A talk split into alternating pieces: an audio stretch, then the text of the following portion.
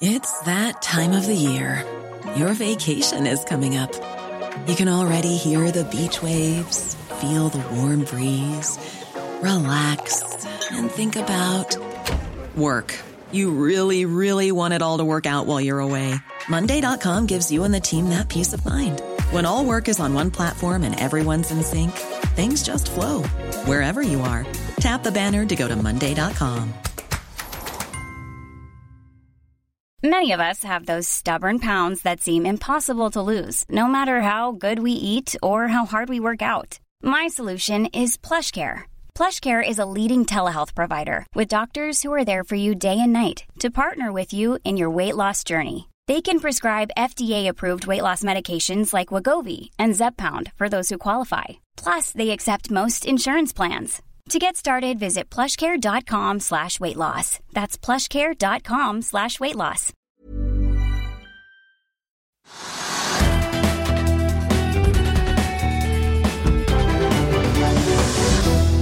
God fredag og velkommen til Økonominyhetene på denne gudskjelovdagen 2. februar. Mitt navn er Marius Lorentzen her på Smestadammen i Oslo. Det er hyggelig at du ser eller hører på oss på denne siste børsdagen i uken. Hydrogenselskapet Nell stiger over 12% Dette selskapet har annonsert at de har avbrutt den opprinnelige kjempeavtalen med amerikanske Nicola og har inngått en ny som gir den 20 millioner dollar inn på konto, og et nytt samarbeid med et australsk selskap, så det smiler for hydrogeninvestoren i dag. Norwegian stiger over 5% til 13,70 etter at Barclays har jekket opp kursmålet på det norske flyselskapet fra 14 til 19 kroner og gjentar sin kjøpsanbefaling. De kommer jo da etter flere nordiske meglere som har gjort noe lignende i det siste. Og det skjer ting på sjømat òg. Regjeringen ønsker å utrede tre områder for havbruk til havs og se om det er mulig å etablere hakkekultur da av bl.a. laks i disse områdene. Og vi har noen nyheter fra politikken til, holdt jeg på å si. For mens helseminister Ingvild Kjerkol fortsatt står midt i masterstormen med Universitetet i Nord, og Nord-Norge har slitt med ordentlig vær i det siste, så har det altså i dag blitt klart at Økokrim har startet etterforskning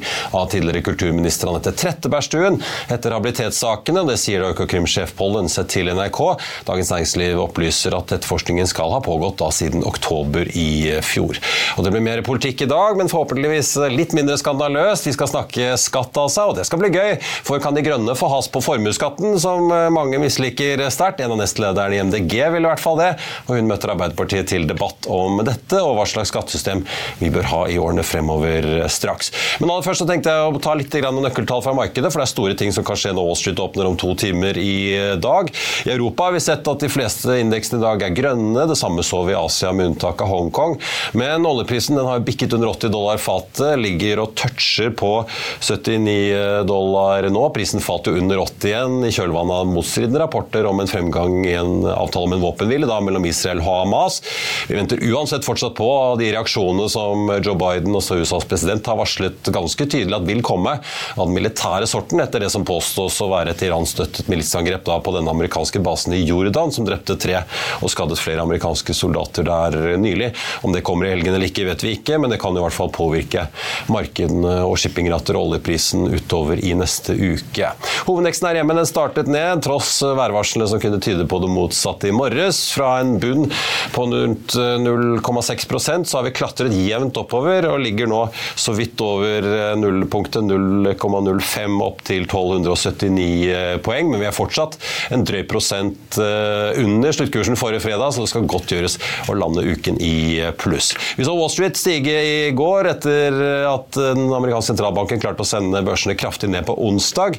SMP 500 klarer nok uken i pluss, kanskje. Det samme gjør Dow Jones Industrial Average. Nasdaq litt mer tvilsomt, men futuresene peker uansett mot en solid oppgang i dag, rundt prosenten på teknologibørsen Nasdaq. Vi fikk jo masse kvartalstall fra de store teknologiselskapene i går. Apple skuffet, hadde en kraftig brems i Kinasalget sitt på 13% i fjerde kvartal, selv om salget da samlet sett økte for første gang etter fire kvartaler på rad med fall. Apple Vision Pro-brillen lanseres i dag, så det blir mye som skjer der. Vi fikk også tall fra Amazon og Meta, som begge steg kraftig i etterhandelen på sine tall. Meta, altså Facebook-eieren, steg tosifret, så får vi se hvordan den euforien utspiller seg når handelen kommer i gang på ordentlig. Det mange venter på, er også de amerikanske jobbtallene som kommer om en time. Og vi så jo da ADP-tallene for privatsektor i USA viste en nedkjøling fra 158 000 i desember til 107 i januar. Det er ventet at de offisielle sysselsettingstallene vil vise et fall fra 216 til 187 000, samtidig som ledigheten tikker litt opp fra 3,7 til 3,8. Fasiten altså 55 minutter eh, unna. På finansavisen.no nå så kan du lese om eh, at eh, kundene i forvaltningsselskapet Formue er låst inn i en rekke unoterte eiendomsinvesteringer til høye verdier. Dette har vi jo skrevet om de siste dagene, og nå må de, altså Formue må nå svare Finanstilsynet, som har startet en granskning av hvordan forvaltningsselskapet verdsetter sine unoterte investeringer. Vil du bli oppdatert på det viktigste som har skjedd innen finans og næringsliv? Da er det bare å følge med, for hver morgen er jeg, Marius Lorentzen og aksjekommentator Karl Johan Malnes på plass i studio for å ta tempen på dagens marked i Børsmorgen. Og hver ettermiddag oppsummerer vi alt du trenger å vite i økonominyhetene, og det blir selvfølgelig masse interessante gjester. Klikk deg inn på fa.no-tv, eller søk opp Børsmorgen og Økonominyhetene der du hører på podkast.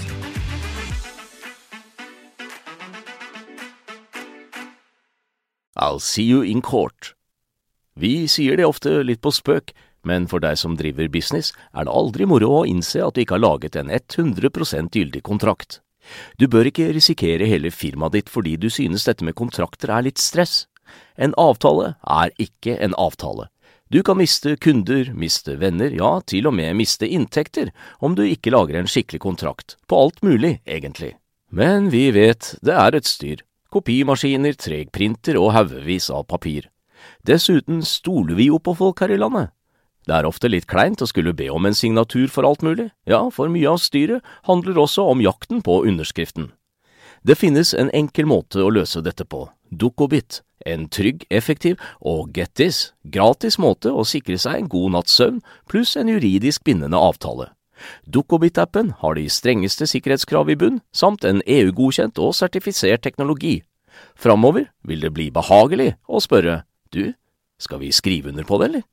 Kom i gang på dukkobit.no.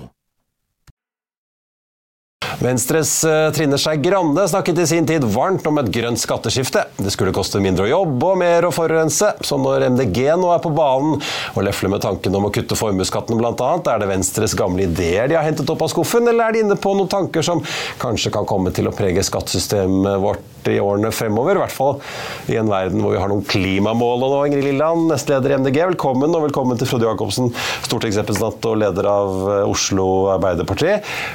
Ingrid, du, eh, denne formuesskatten er ikke helt borte ennå, for den ligger inne med i hvert fall en økning faktisk på nesten 5 milliarder kroner i det alternative budsjettet deres. Men si litt, hva er det egentlig du har foreslått? Prøver du å bevege partiet ditt, eller eh, er bare alternative budsjettet litt utdatert? Nei, altså, eh, I Miljøpartiet De Grønne så er vi jo alltid ute etter å forsterke og tydeliggjøre politikken vår. Nå er det stortingsvalg om litt uh, mer enn halvannet år. Og da skal vi snekre sammen en skikkelig fremtidsretta og tydelig skattepolitikk. Uh, og da er det jo tre ting som er viktig for oss. Det ene er selvfølgelig å sørge for at vi omstiller oss ut av den klima- og naturkrisa vi står i. Uh, og så er vi nødt til å finansiere fremtidig velferd og omfordeling, og så må vi ha omstillingsevne og innovasjon. Så vi ser jo på hele skattesystemet om hvordan vi kan eh, veksle på skattene for å nå de tre målene på lang sikt. Eh, og da tror jo jeg at dagens formuesskatt eh, er rett og slett en brems for å få til den omstillingsevnen som vi trenger i norsk økonomi framover, med de negative effektene den har for nye selskaper, små selskaper som ikke tjener spesielt mye penger, og norsk lokalt eierskap. Nå kom jeg ikke på noe frukt som er blå inni, men uh, Sylvi Listhaug har anklaget dere for å være vannmeloner før, altså grønne på utsiden og røde inni, men nå tenkte jeg kanskje Det var vel kanskje noen som tenkte at ok, kanskje er de litt mer Kiwi, da, uh, gitt at de nå plutselig vil kutte skatt på uh, formue, men hvorfor ikke bare bruke alle pengene på å kutte skatt på altså lønnsinntekter, f.eks.? Altså, Formuesskatten vet vi har store negative konsekvenser for for næringsdrivende i Norge. Vi har ikke noe lyst til at omstillinga ut av olje- og gassalderen og over i, en, i et næringsliv som kan levere nullutslippsløsninger. Vi ønsker at det skal være norske eiere, norsk skaperkraft, som er med på det eventyret også. Og da er formuesskatten i dag rigga sånn at den dessverre favoriserer utenlandsk eierskap og ikke stimulerer til den skaperkraften. Frode, er dette litt som EU-saken? Det blir aldri noe endring, men det diskuteres stadig her i landet? For det er jo folk, er jo folk i altså- Arbeiderpartiet og LO-systemet som også er helt åpne på at formuesskatten har sine negative sider og forskjellsbehandler norske og utenlandske eiere? Ja, og det er jo bra at vi har diskusjon om det, og det er bra at Ingrid, at Ingrid tar, tar det. Og det er takk for, takk for invitasjonen. Og det, det, er jo det er helt nødvendig at vi har en offentlig samtale om skatte, skattepolitikken. Og uh, Torvik-utvalget, som jo kom uh, høsten 22, var det vel, eh, inviterte også til det. Og jeg syns det var masse gode debatter og, og, gode forslag der også. De foreslår økt formuesskatt. Eh, at du skal gi skattelette på andre områder for å korrigere, eh, korrigere en del mangler i, i, og feil gjennom dagens skattesystem. Jeg syns jo det Ingrid sier om både eh, knytta til klima og bærekraft, er utrolig viktig. Eh, I tillegg til eh, det som gjelder omfordeling. Og det er på en måte det jeg stusser mest med med det forslaget forslaget hvor jeg vil være mer på linje med dagens MDG-politikk enn den som Ingrid eventuelt eh, tar til orde for, det er jo at eh, det er jo, en, eh, det er jo store forskjeller i landet vårt. Å gi de aller rikeste skattelette, det tror jeg er feil vei å gå. Men selvfølgelig også i Arbeiderpartiet så diskuteres jo om måte, er det justeringer som, som må gjøres. Og det, nå har vi gjort en del endringer i formuesskatten de åra vi har styrt etter valget i 2021. Bunnfradraget har økt, satsen har eh, økt. Det er færre som betaler formuesskatt. Eh, men eh, så må vi se hvordan de endringene vi har gjort, også slår inn, for å se om det er behov for å justere. Men foreløpig så går det jo ganske bra i Norge. Og den, det vi hører fra børsen og de tallene vi leser også om i Finansavisen, så er det jo det går bra i norsk økonomi. Ja, det er bra høy sysselsetting, høy altså, hvis, aktivitet. Hvis jeg spør seniorøkonomer, så er det bare oljen som vi kan takke for det. Men Jo, men det er, det er skapt 100 130 000 nye arbeidsplasser de siste eh, drøye to åra, og det er ikke først og fremst innen olje. Men når du, tar, det, når du ser de som har flyttet nå, og hva de sier, og så ser du eh, folk i eiendom, f.eks. næringseiendom, sier at utlendinger kan betale 10-15% mer for en gitt eiendom, eh, om det er i Oslo eller om det er på Toten, det spiller ingen rolle. Rett og slett bare skatteteknisk, hvis du regner ut med samme gilden på eiendommen, altså samme avkastningskrav, alt er likt. Det er bare du tar mer uten formuesskatt, så gir, utslaget blir at du kan betale i hvert fall 10 mer enn en nordmann. Mm. Hva får det dere til å tenke, da? Og når dere hører Jens Rugseth med alle disse teknologiselskapene som flytter til Sveits, han sier jeg kan ikke ta ut så mye utbytte fra disse selskapene som det skatteetaten krever av meg? Nei, den eh, Altså, vi ser på tallene eh, som viser liksom at aktiviteten i norsk økonomi går opp. Antall sysselsatte går opp. Eh, bedriftene gjør det bra. Eh, så i det store så går jo norsk økonomi bra. Og så lytter vi til de folka som, eh, som også ser og tar opp disse utfordringene med oss, og ser om det er behov for justeringer. Men det er liksom en, et avvik i hvordan det bildet de tegner, og hvordan virkeligheten ser ut. Det er formuesskatt i andre land, det er formuesskatt på eiendom, det er arveskatt, og man kan diskutere ulike elementer i det. Jeg ser at eh, Ingrid har tatt til orde for arveskatt f.eks. Og det er mange i Arbeiderpartiet som ønsker det, men vi har ikke det i vårt program nå. Eh, jeg tror først og fremst det eh, vil gi inntekter om mange år, men da har mange av de rike vet vi fra før da vil tilpasse seg. Så igjen, skattesystemet er jo mange elementer. Og når Erna Solberg styrte i åtte år, de klarte ikke å fjerne formuesskatten selv med Siv Jensen som finansminister i syv år. De tok, brukte mye av kapitalen på arveavgiften i starten? Ja, ja, ja ikke sant. Og, men, men, men de, de, de, de, fjerna ikke formuesskatten. Og det er fordi man ser at den har en betydning på å utjevne forskjeller. Eh, på at de aller rikeste skal betale noe. Jeg, altså, konsekvensen av å fjerne formuesskatten er jo at eh, de aller rikeste i Norge blir nullskattytere. Det syns jeg er galt. Jeg syns at det er de som eh, tjener bra Men utbytteskatt må du jo betale. Altså, tjener du en krone i lønn eller en tre kroner i utbytte, så får du jo skatt på det.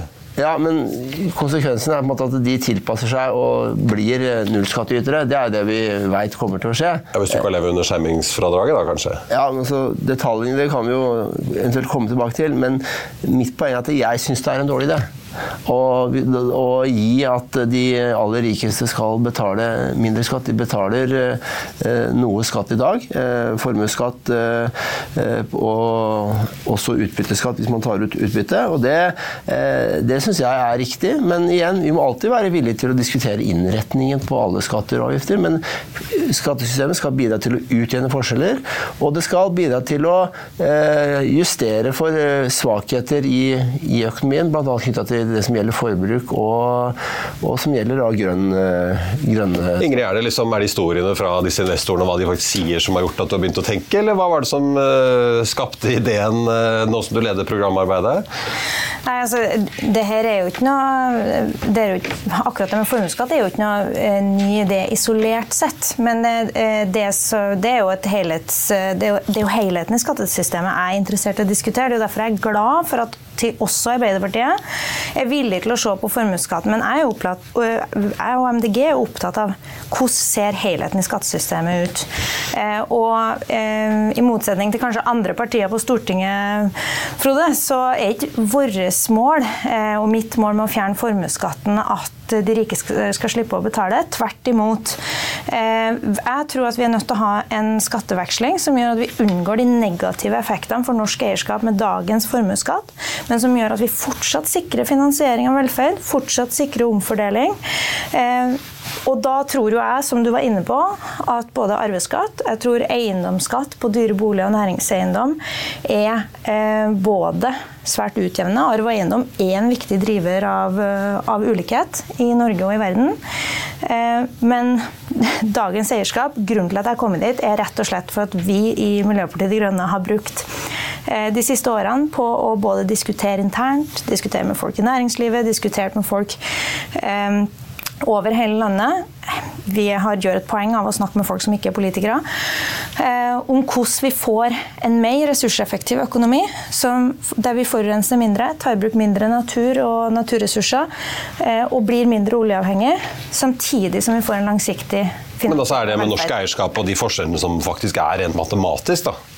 Ja, de har formuesskatt i Sveits òg, men det er jo mye lavere som regel, litt avhengig av hvilken kanton du er i.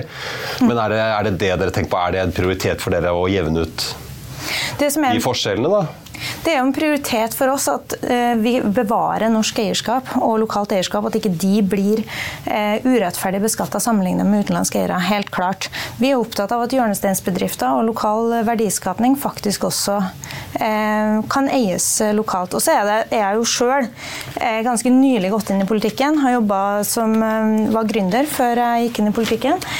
og det er klart at veldig mange av dem skal jo, eh, av dem som er gründere i dag og har vekstselskaper, de skal lage arbeidsplasser som er langt viktigere for framtidige skatteinntekter eh, enn det dagens formuesskatt har. Så jeg tenker at liksom, Skal vi gå, komme oss videre i den debatten og ut av skyttergravene på rød og blå side, så tror jeg at vi liksom ikke må si at formuesskatten er den eneste måten å beskatte de aller rikeste på. Det finnes andre måter å gjøre det på, og det vil være et mål for Miljøpartiet De Grønne.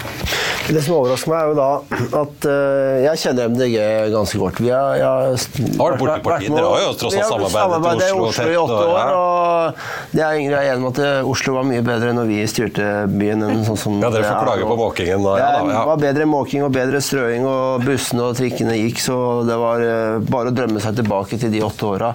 Uh, men i forhold til natur og klima så er vi begge to veldig opptatt av at vi skal legge forskning og fakta til grunn. Og det samme kan jo også gjelde på skattesida, syns jeg. Og forskningen eh, viser jo at det ikke er belegg for å si at formuesskatten eh, virker, eh, virker sånn, som, sånn, som, du sier. Eh, fordi forskningen sier at det, er ikke nevneverdig, og det har jo Torvik-utvalget eh, dokumentert i sin at det er ikke eh, nevneverdig utfordrende med at for bedrifter og at, at man må ta ut penger fra bedriften for at man skal betale formuesskatt. Den tappinga der f.eks. er ikke et stort problem.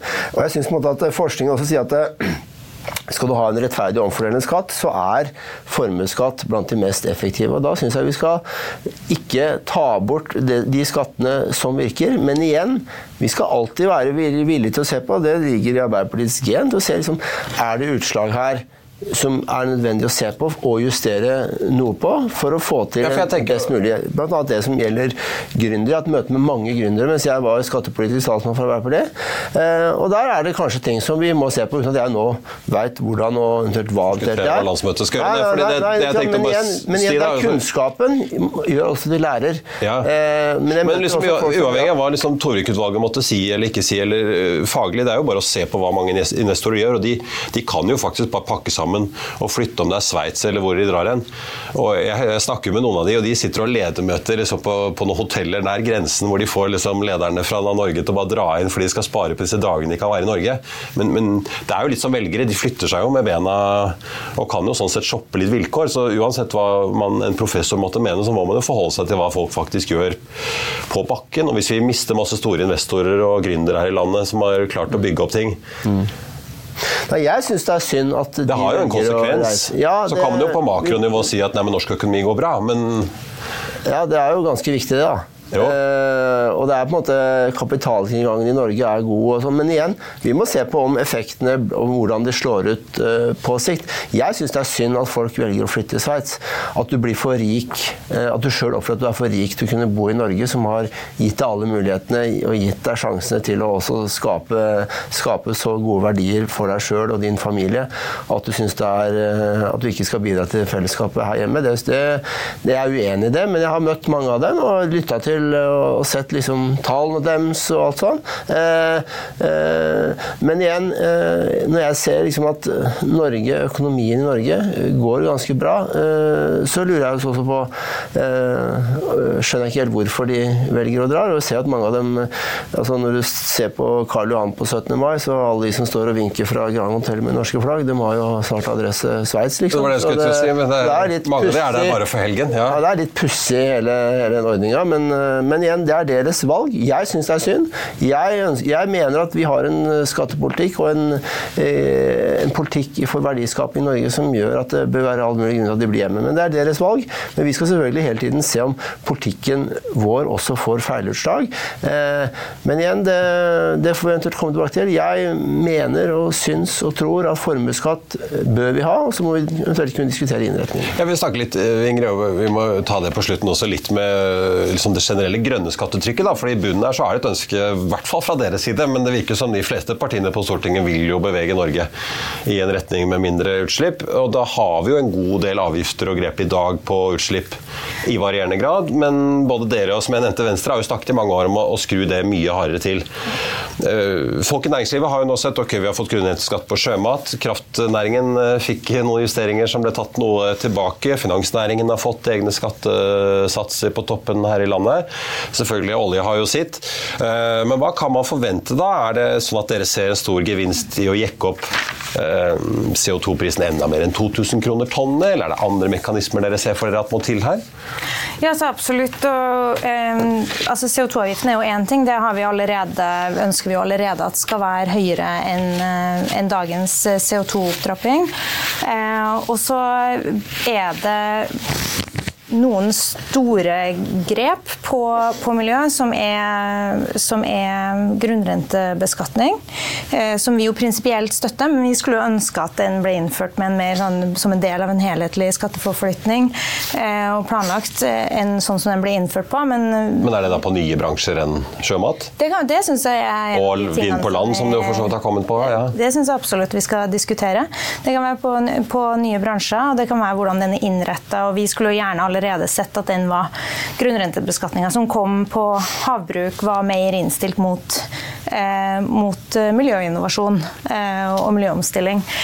Eh, og, men eh, er, i tillegg så kommer eiendomsskatt. Det er også en, eh, en viktig grunn til at eh, naturen vår bygges ned i rasende tempo. Det å få en brems på det er ganske viktig i et både klima- og naturperspektiv. Fordelen med eiendomsskatt og grunnrentebeskatning er at verken fjordene eller eiendommene kan flyttes til Sveits. Eh, så det er jo den helheten. Så jeg må jo bare gjenta det. Nå tror jeg eh, vi kan selvfølgelig sitte og krangle om hvem som har mest kunnskapsgrunnlag på vår side. Jeg kan jo nevne at Torvik-utvalget også hadde et mindretall eh, som jeg tror ikke var mindre kunnskapsbaserte enn flertallet, som kom til andre konklusjoner om formuesskatten enn det flertallet gjorde. Så det kan vi nok begge gjøre en hjemmelekse på å lese opp. Men det viktigste for oss er å få en mer ressurseffektiv økonomi. Så det betyr at vi må se på avgifter på Uttak av naturressurser, f.eks. Jomfruelige materialer. Eh, hvordan sørger vi for at vi faktisk får fortgang i den innovasjonen vi trenger på å gjenbruke materialer, spesielt materialer med veldig eh, stort avtrykk. Vi, gjør, vi, bør se spesielt på byggenæringen, eh, som er en kjempestor bransje. Ikke bare pga. det økologiske fotavtrykket, men også fordi at det er Norges største fastlandsnæring. Kjempeviktig for norsk økonomi. Eh, får vi til å gjøre store store endringer på de store volumene med, med, materialer som fører til avtrykk på klima og natur, så er det mye viktigere for omstillinga. Eh, så vi ser på hele pakka, og kan jeg bare si at hvis noen har lyst til å være med og snekre sammen MDG sin eh, skattepolitikk. Bare å melde seg inn på MDG nå og se. Så er vi åpne for alle. Men det var det, ja, altså, vi har jo også en programprosess i Arbeiderpartiet. Ja, det vet jeg. Det. Men kan jeg få stille et spørsmål på veien, da? Ditt forslag, ja. ditt forslag og så sende inn til Arbeiderpartiets programprosess. Der er alle folk velkomne. Men jeg tenkte for dere, hvis jeg skal være snill med Høyre, da, Høyre pleier jo å ville ta et sånn helhetlig ansvar for eh, land og politikk og økonomistyring. Og Hvis man skattlegger ting som går på utslipp og ting man vil ha mindre av, og folk faktisk slutter med det, så har man jo et problem rent sånn budsjettøkonomisk, for da får man jo mindre inntekter etter hvert. Det blir jo litt som med bilkjøring. Hvis folk faktisk slutter å kjøre fossilbil, så går jo staten glipp av masse inntekter man hadde før. Ja, er... Hvordan tenker dere rundt det å, å skattlegge Uh, altså utslipp og atferd og aktivitet som man ønsker mindre av. Åpenbart har jo en effekt at man gjør mindre av det, men da vil man også få mindre inntekter når man faktisk når målet. Ja, og det er jo sånn når du ser på hvor mye staten har hatt i inntekter fra bilavgifter f.eks., så har det jo gått veldig mye ned de, de siste åra. Når det har vært momsfritak på elbiler og, og andel elbiler har gått veldig mye raskere vekst enn det man trodde. Så der har man mista mye penger.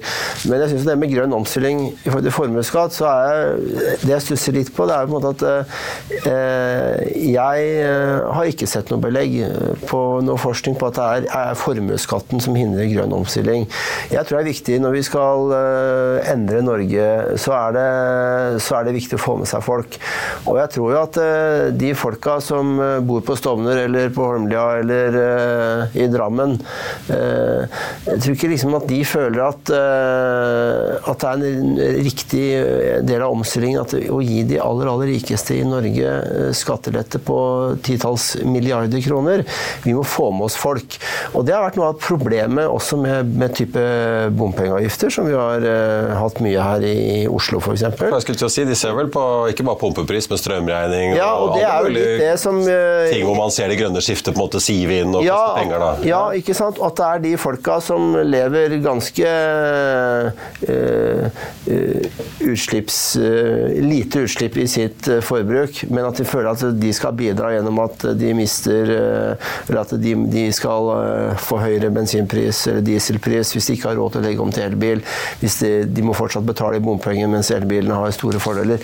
Det er en tankekors i forhold til fordelingspolitikk å få med seg folk hvordan vi skal innrette både skatte- og avgiftssystemet. Jeg syns det er da galt å starte med å gi de aller rikeste skattelette, men å finne ut hvordan vi skal få en god balanse her, eh, som gjør at vi klarer å få med oss folk. Det syns jeg er utfordrende. Si, Frode, her er vi jo helt enige. Ja, jeg, vi må liksom starte Men Skal dere gi folk en sjekk? Liksom strømstøtten får man jo faktisk det står minus på regningen. Det er ganske sånn kontant tilbakemelding man får. Det høres ut som du har lest MDGs program. for det er akkurat Alltid det litt research før sending. Det, det, vi, det, er det jeg får betalt for å gjøre.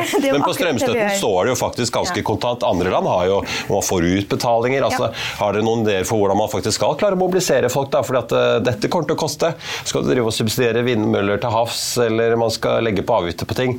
så pleier det jo å svi energi og forbruk, reising, alt som folk stort sett må gjøre i hverdagen sin. Da. Ja, Alle endringer eh, skaper usikkerhet hos folk, og det er jo også da omlegging på skatte- og avgiftssiden. Det er jo alltid mye diskusjoner og, og mye oppmerksomhet rundt, og det er bra, og vi må tåle det. Men skal vi klare å løse de store utfordringene vi har eh, rundt oss, grønn omstilling, eh, mindre utslipp eh, liksom, Vi skal jo bli klimanøytrale. Ja, men er det det- Samtidig som forskjellene det også, vi skal gi justere forskjellene, og folk skal ha jobb å gå til. Men må man da gi folk en slags sånn direkteutbetaling som, sånn at du ser, Altså, Nei, jeg tror ikke det er ser det grønne skiftet på kontoskriften, holdt jeg på å si? Altså, vi tar bare å ta strømordninga som et eksempel. Da. Der, der, har jo, der har jo vi tatt til orde for en mye mer sosialt omfordelende eh, strømstøtteordning enn den vi har i dag, som i dag premierer den, den, eh, den aller rikeste delen av befolkninga. Eh, og det kommer jo vi til å gjøre i skattesystemet. Det, ikke, det stemmer rett og slett ikke at eh, vi starter noe som helst omstilling med å gi de rike skattelette. Eh, vi starter en omstilling med å flytte skattetrykket fra det som er arbeid og innovasjon, over på det ressursforbruket som de rike står for aller størst del av. Bruk av eiendom, bruk av naturressurser eh, og utslipp. Eh, og så har jo vi eh, i Miljøpartiet De Grønne et, et langt mer omfordelende skattesystem enn det regjeringa har levert med flertall på Stortinget i mange år. Og for så vidt med mye langt mer omfordelende selvfølgelig enn det Solberg-regjeringa leverte. Og det kommer vi til å fortsette med. Det er det ingen tvil om. Og jeg tror at vi i Arbeiderpartiet kunne hatt godt av å sette oss ned og samarbeide om hvordan det nye skattesystemet kan se ut, i stedet for å falle tilbake til gamle påstander at det må se sånn ut for å drive med Var det like før både Kari Lisbeth Kaski og Tina Burre ringer inn i sendingen der, tror jeg. Men eh, du, dere jeg Det hadde vært interessant, det. da. Altså, Ja, vi men, kanskje skulle eh, hatt litt mer plass. Ikke det fått med alle sammen og holdt på lenger her. Vi får se. Når er, er prosessen i gang i Arbeiderpartiet med nytt program nå, eller? Ja, som jeg sa, det er dittforslag.no, så er det mulig å komme for alle å komme med, med forslag der. Og så skal Arbeiderpartiets eh, landsmøte neste vår eh, politikken vi skal gå til valg på i 2025, når det er valg da. Eh, Så det, eh, det er alltid veldig gode prosesser og viktige diskusjoner. Så det håper jeg både de som er medlemmer av Arbeiderpartiet, men også de som ønsker å påvirke Arbeiderp- Arbeiderpartiets politikk, er hjertelig velkomne til å bidra der. Vi er et åpent parti. Så får vi se da om du klarer å få ned formuesskatten og innføre mer eiendomsskatt, som jeg vet mange på, hva heter det, sosialøkonomer, samfunnsøkonomer er veldig stor fan av. Men det er ikke alle som sitter på disse eiendommene som er like glade for dem. Frode Jacobsen i Arbeiderpartiet og Ingrid Lilland i MDG, tusen takk for at dere kom til oss. Tenkte bare kort på slutten å nevne at hovedindeksen på Oslo Børs ligger fortsatt i pluss i dag. Protektor Forsikring, som hadde en kjempedag i går, på veldig gode tall for 2023, ligger enda mer opp i dag, nesten 3% boligselskapet, boligriksselskapet, fortsetter å falle etter sin rapport også i går. Sparebanken Vest eh, klatrer drøye 3 etter sitt eh, regnskap i går. Europris eh, fortsetter også sin eh, nedgang, meldte jo om noe svakere enn ventet eh, julehandel, ned ytterligere 1,1 i dag, falt den 3 da i eh, går. I Finansavisen i morgen på lørdag så kan du lese Trygve Egnars leder om eh, Donald Trumps juridiske hengemyr. Det blir profilintervju med Eika-gruppen Skauta Eie. Magnus Carlsen går inn i nye startuper, kan du lese om. Og du kan også lese om bankenes fortsatt gode rentemarginer, samt selvfølgelig masse bil, vin og annet helgestoff. Du kan lese om 19 år gamle Lilo Fyrilei fra Son, som har gått gradene fra gokart til Formel 1-bilkjører. Og har imponert folk med tilknytning til Red Bull-teamet. Du kan lese alt om eh, Porsches nye elektriske Macan. Og så har mine kollegaer i FA Motor også vintertestet Goldfish sin nye 46 Open i Oslofjorden. Og det så veldig kaldt ut på bildene. Det finner du i hvert fall i FA Motor i morgen. Det var det vi hadde for deg her på denne fredagen. Tusen takk for at du så eller hørte på. Mitt navn er Marius Lorentzen, og vi er tilbake igjen her på mandag morgen 08.55 med Børsmorgen. I mellomtiden så ønsker alle vi her i Finansavisen deg en riktig god helg. Takk for nå.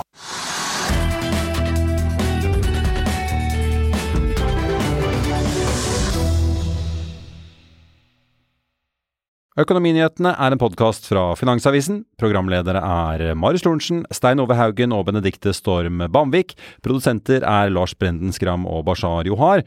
Og ansvarlig redaktør er Trygve Hegnar.